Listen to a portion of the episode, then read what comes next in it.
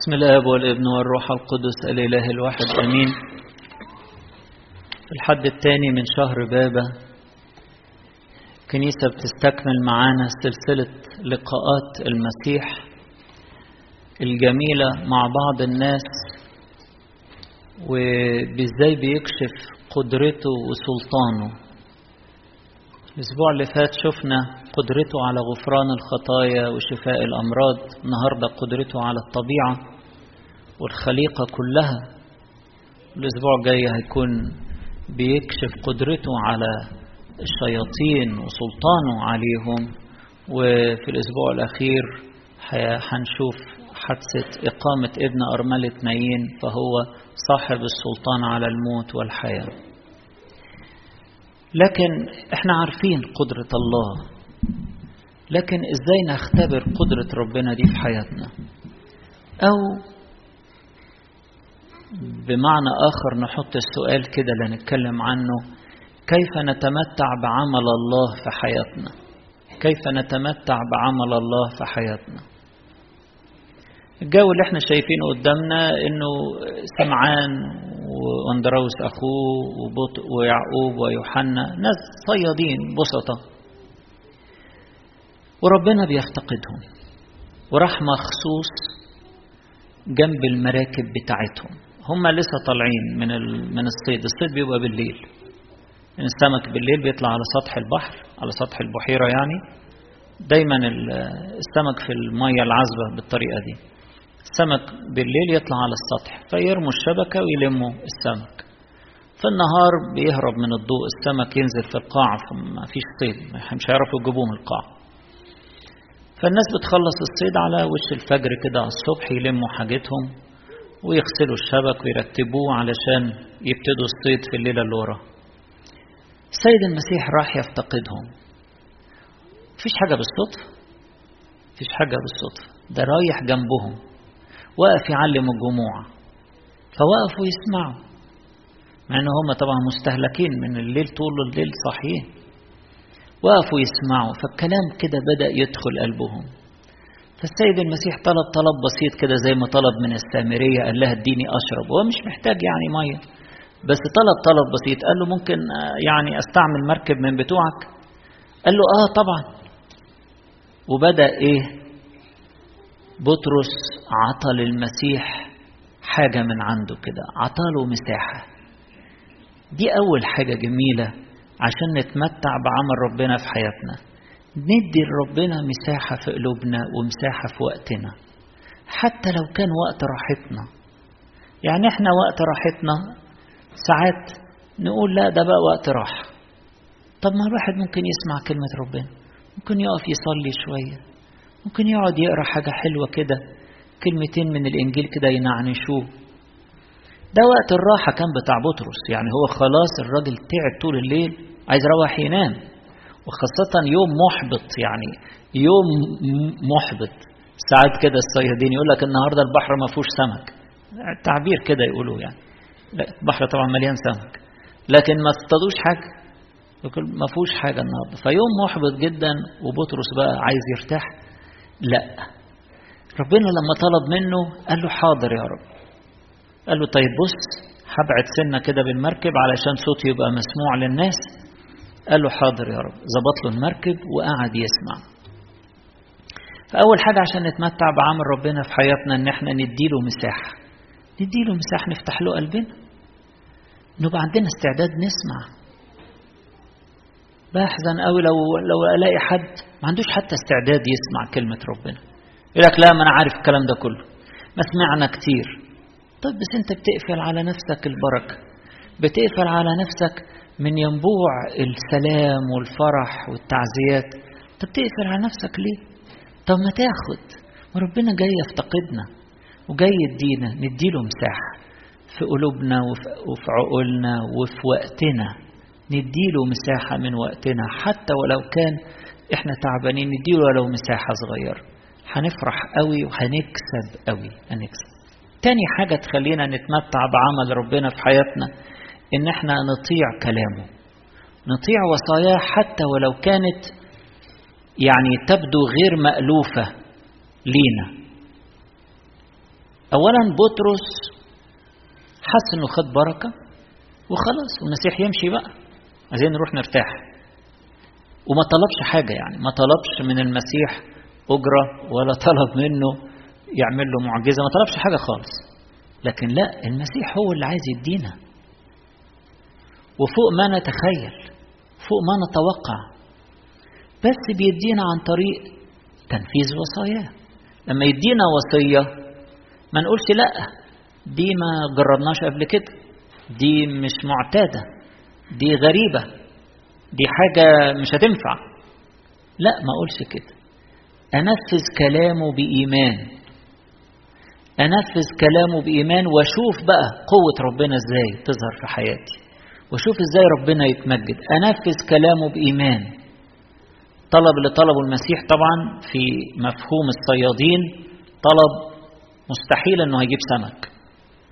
نروح للعمق ونلقي الشباك في العمق. الشباك دي بتبقى على يعني عارفين طبعا الشبكة.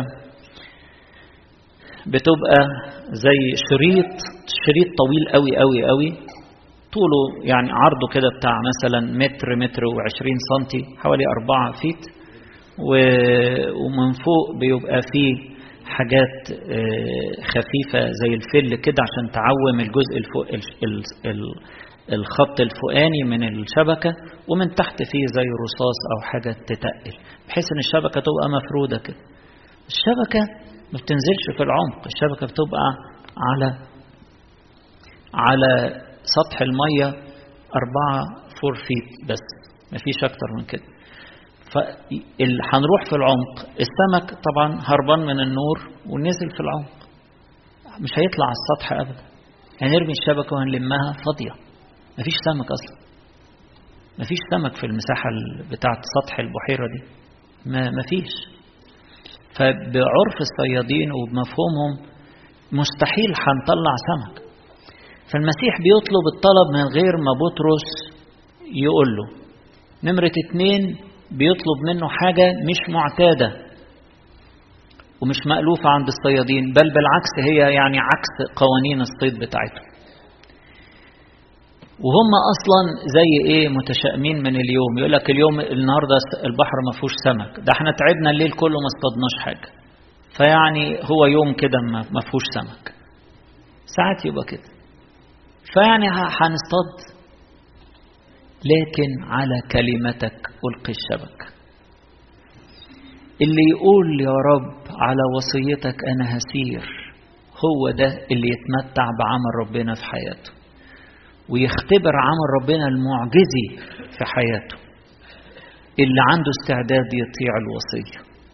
حتى ولو بدت مختلفة عن كل الحكمة بتاعت أهل هذا العالم.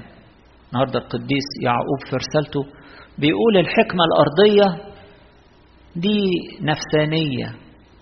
الناس اللي هي عندها يعني أغراض كده ونفسيتها لها يعني أهداف معينة ونفسيتها تعبانة شوية. أرضية نفسانية شيطانية. دي الحكمة الأرضية.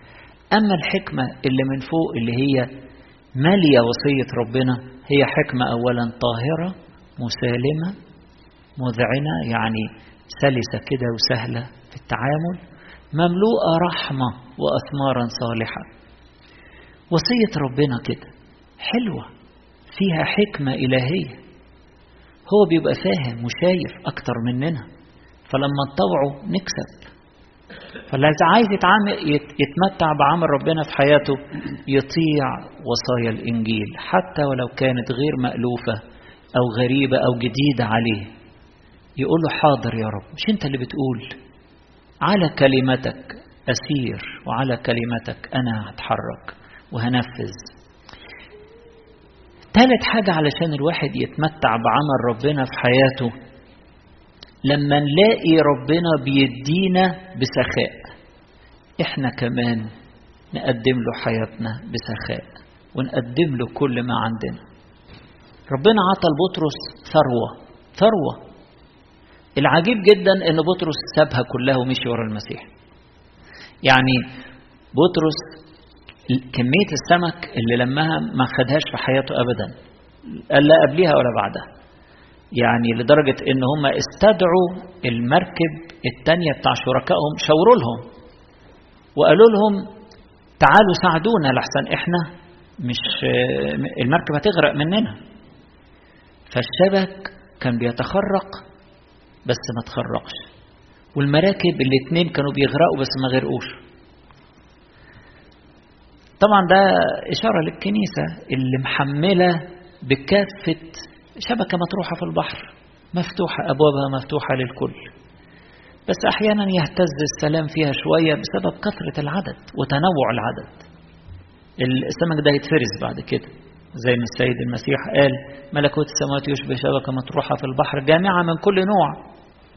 بعد كده لما تخرج على الشاطئ بيخرجوا الجياد السمك الجيد يعني يتحط في أوعية والسمك الرديء يترمي. فالكنيسة شاملة وفتحة أبوابها للكل. وعدد كبير جدا ويمكن عشان كده بيحصل فيها اضطرابات لأن العدد ضخم والمراكب بس المراكب دي فيها المسيح ما تغرقش أبدا. مهما اضطربت الكنيسة مهما حصل فيها اضطرابات واهتزاز للسلام لكن عمرها ما تغرق لأن فيها المسيح الله في وسطها فلن تتزعزع. بس بطرس بقى ساب كل ده ومشي ورا المسيح. قعدت مرة أفكر أقول يا ربي طب إزاي واحد ثروة قد كده يسيبها؟ ده يفكر بقى يعمل بقى تطوير للمراكب بتاعته ويجدد ويجيب شبك جديد بدل اللي كان بيخيطه وبيرقعه حاجات قديمة يعمل بقى ويجيب ناس تشتغل عنده ويعمل شركة ضخمة عنده جاله ثروة. أبدا. ساب كل حاجة. طيب ليه؟ قعدت أفكر كده. يمكن يكون بسبب الكلام اللي هو سمعه من المسيح. سمع كلام الحياة الأبدية. سمع المسيح بيقول له اطلبوا أولا ملكوت الله وبره. وهذه كلها تزاد لكم. وتزاد لكم دي أهي أنت شايفها قدامك. وأنا عطيتها لك الأول. تزاد لكم دي حطيتها لك الأول. كل أمور الأرض أديك شايفة أقدر بسهولة ادي لك كل حاجة. واخليك غني من الناحية الأرضية يعني من الناحية المادية. فإيه رأيك؟ أيوه صحيح. كلامك صح يا رب. عشان كده أنا هطلب اولا ملكوت الله وبره وهمشي وراك. اللي اللي عايز يتمتع بعمل ربنا في حياته بقوة ربنا في حياته يقدم لربنا حياته زي ما بطرس عمل. زي ما ربنا بيدينا بسخاء إحنا نديله بسخاء زي ما ربنا حبنا وبذل نفسه من أجلنا إحنا نحبه ونخدمه بكل إمكانياتنا وبكل المواهب والنعم اللي ربنا عطاها لنا. حاجة كمان هامة جدا تخلينا نتمتع بعمل ربنا في حياتنا هي التوبة. إن أنا أرجع أعترف إن أنا خاطي وأعترف إن أنا مستاهلش لكن برجع لربنا وأركع قدامه. بطرس التعبير بتاعه يمكن للناس لو خدته حرفيا تقول طب إزاي يعني؟ هو حد يلاقي المسيح ويقول له ابعد عني؟ لا هو مش بناخده حرفيا. هو عايز يقول له يا رب إن المسافة اللي بيننا كبيرة. ده أنا خاطي وأنت بتعمل معايا كل ده. أنا خاطي وأنت بتحبني كل الحب ده. أنا خاطي وما استاهلش وأنت بتديني كل العطاء ده. ده أنا يا رب ما استاهلش كل ده. صحيح من أجمل المشاعر اللي ممكن الإنسان يعني لازم يختبرها. لما يلاقي ربنا محوطه كده واخده في حضنه بيحبه وبيديله بسخاء وهو حاسس إن هو ما يستاهلش. يقدم توبة يقول له اللهم ارحمني أنا الخاطي يقول له يا رب أنا عايز حياة جديدة منك. خاطي دي زمان لكن أنا دلوقتي عايز حياة جديدة منك. عايز تجديد عايز حياة مقدسة. من هنا ورايح أنا من ولادك. من هنا ورايح أنا هدي ظهري للحاجات الوحشة بتاعت زمان والعادات الرديئة بتاعت زمان. قديس بولس الرسول بيحكي عن الفرق بين ما قبل المسيح وما بعد المسيح. ففي الرسالة بتاعته النهاردة الكورنثوس الرسالة الثانية يقول آية جميلة جدا. يقول الله الذي قال أن يشرق نور من ظلمة هو الذي أشرق في قلوبنا. لإنارة معرفة مجد الله في وجه يسوع المسيح. مش هي الآية طويلة بس هشرح معناها كده تنبسطوا بيها قوي الله الذي قال أن يشرق نور من ظلمة ده بيتكلم على الله الذي خلق في البدء. قال ليكن إيه؟ نور. الله الذي قال أن يشرق نور من ظلمة دي الخليقة الأولى اللي كانت جميلة وربنا شافها أنها كل شيء حسن جدا. هو اللي جه يجدد الخليقة مرة أخرى. هو اللي خلق الخليقة هو اللي جاي يجدد الخليقة مرة أخرى. بتجسده وإشراقه علينا نحن الذين كنا في الظلمة وظلال الموت. الله الذي قال أن يشرق نور من ظلمة هو الذي أشرق في قلوبنا لإنارة معرفة مجد الله. ما هو مجد الله موجود على طول بس إحنا كنا عميان. مولودين عميان. زي مولود أعمى كده بالظبط. فخلق له عينين. خلق لنا بالمعمودية عينين. الله الذي قال أن يشرق نور من الظلمة في القديم هو الذي أشرق في قلوبنا لإنارة معرفة مجد الله في وجه يسوع المسيح. لما شفنا وجه يسوع المسيح لما تجسد الإبن الكلمة في شخص المسيح فإحنا عرفنا ربنا من خلال المسيح. يوم الجمعة في الاجتماع كان الأخ مراد بيكلمنا عن كيف استلمت الكنيسة الثالوث. وجاب لنا الكلام الحلو بتاع القديس أثناسيوس اللي قاله في كتاب تجسد الكلمة. لما قال إيه؟ قال إنه أهم ومن أهم الأهداف للتجسد إن الإبن يعرفنا بالآب. إن المسيح يعرفنا بالآب ينور لنا معرفة الله الحقيقية. نعرف الآب أظهر لنا نور الآب زي ما بنقول في القداس. الله الذي قال أن يشرق نور من ظلمة دي الخليقة الأولى هو الذي أشرق في قلوبنا دي الخليقة الثانية بالمعمودية الاستنارة. كنا بنقرا دلوقتي في السنكسار يقول كده على القديسة البيلاجية لما اتعمدت استنارت بالمعمودية المقدسة. دي التعبيرات الكنسية بتاعت سر المعمودية الاستنارة هو الذي أشرق في قلوبنا لإنارة معرفة مجد الله في وجه يسوع المسيح. فالإنسان اللي بيشوف ربنا في حياته حياته بتتغير. كنت أعمى والآن أبصر. بطرس لما ركع تحت رجلين المسيح وبيقول له اخرج من سفينتي يا رب فإني إنسان خاطئ. ده لما شاف مجد ربنا. حياته اتغيرت تماما. ساب كل حاجة وتبعه وربنا قال له أنت فكرك يعني أنت كده أنا هاخدك ورايا وأقول فلان الصياد واللقب بتاعه فلان الصياد؟ لا ده أنا هرقيك. أنت هتبقى من عضو في أهل بيتي. أنت هتبقى بتصطاد للناس يعني بتشتغل معايا. بتجمع معي في شبكة الملكوت. ده الحقول ابيضت للحصاد وأنا عايز حصادين معايا طب أنا يا رب أنفع. ده أنا وحش ده أنا خاطي لا تنفع ونص. كل واحد فينا ينفع. ربنا عايزنا كلنا نشتغل معاه. كلنا نشتغل صيادين للناس معاه. ده في ناس مستنية كلمة بس تدخل الشبكة. على طول كلمة صغيرة مستنيينها بتعجبني قوي العبارة اللي قالها القديس السمعان اللي كان راجل مملوء بالروح القدس اللي ذكر في إنجيل متى سمعان الشيخ. لما شال المسيح على إيديه قال إيه؟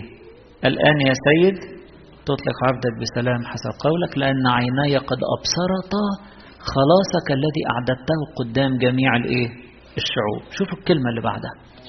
نور إعلان للأمم. نور يعني انت لما جيت تنور خليت الأمم يشوفوا مجد الله. لما جيت تنور لنا خليت الأمم يشوفوا مجد الله. في الإنجليزي جاية بشكل أوضح شوية. يقول a light to bring revelation to the Gentiles. نور يجيب إعلان للأمم يخلي الأمم عينيها تتفتح. ده بتجسد المسيح. خلى الناس تشوف ربنا. بعد ما الناس عينيها اتعمت بالخطية من أول ما آدم أخطأ. الله الذي قال أن يشرق نور من ظلمة في القديم هو الذي أشرق في قلوبنا لإنارة معرفة مجد الله في وجه يسوع المسيح. فعشان نتمتع بربنا لازم يكون في توبة تغيير للحياة عشان نختبر قوته ونختبر الترقية اللي بيرقيها لنا من صيادين سمك لصيادين للناس. من ناس بتشتغل لحساب الأرض وللماديات لناس بتشتغل لحساب الملكوت من ناس بتشتغل مع البشر ويتعبوا معاهم وكده إلى ناس بتشتغل مع ربنا نفسه coworkers بيشتغلوا شركاء مع ربنا إيه ده؟ إيه الشغل الجميل ده؟ إيه الشرف العظيم ده؟ بطرس فهم إن ده شرف عظيم مراكب إيه وسمك إيه؟ ده أنا هشتغل مع ربنا نفسه. أنا مش بدور على كرامة لكن أنا دي نعمة ودعوة ما أقدرش أرفضها. فساب كل شيء وتابع ربنا. طبعا نفس الحكاية مع بط مع يعقوب ويوحنا برضو. تركوا أباهما والأجرى والناس اللي كلها وتابعوا المسيح. فإحنا لازم علشان نتمتع بعمل ربنا لازم يكون في توبة في تغيير للحياة. أعترف إن أنا ضعيف أعترف إن أنا خاطي واقول له يا رب إديني حياة جديدة إديني خليقة جديدة. اللي في المسيح دول خليقة جديدة. والإنسان يقبل كده إنه يكرس حياته لربنا يك... نقبل كده. أنا اترشمت بالميرون يعني أنا مكرس لربنا. وأنا هنسى كده. أنا عايش لربنا. صحيح عندي أسرة صحيح بشتغل صحيح عندي مهمات وزنات ربنا عطيهاني في الحياة أنا بهتم بيها لكن كله لحساب ربنا في الآخر وفي الأول. كله لمجد ربنا في الآخر وفي الأول. كله لمجد ربنا. أقبل كده لما يقول لي تعالى نشتغل سوا هخليك صياد للناس. حاضر يا رب. أنا ما استاهلش. لكن أنا خدامك. أنت وجهني زي ما أنت عايز. إزاي الإنسان يتمتع بعمل ربنا؟ لما ربنا يفتقدنا نديله مساحة في قلوبنا ووقتنا. لما يكلمنا ويوصينا أو يأمرنا بحاجة نطيع كلامه وصاياه حتى لو كانت مش مألوفة لينا. نمرة ثلاثة إن زي ما بيدينا بسخاء نديله بسخاء.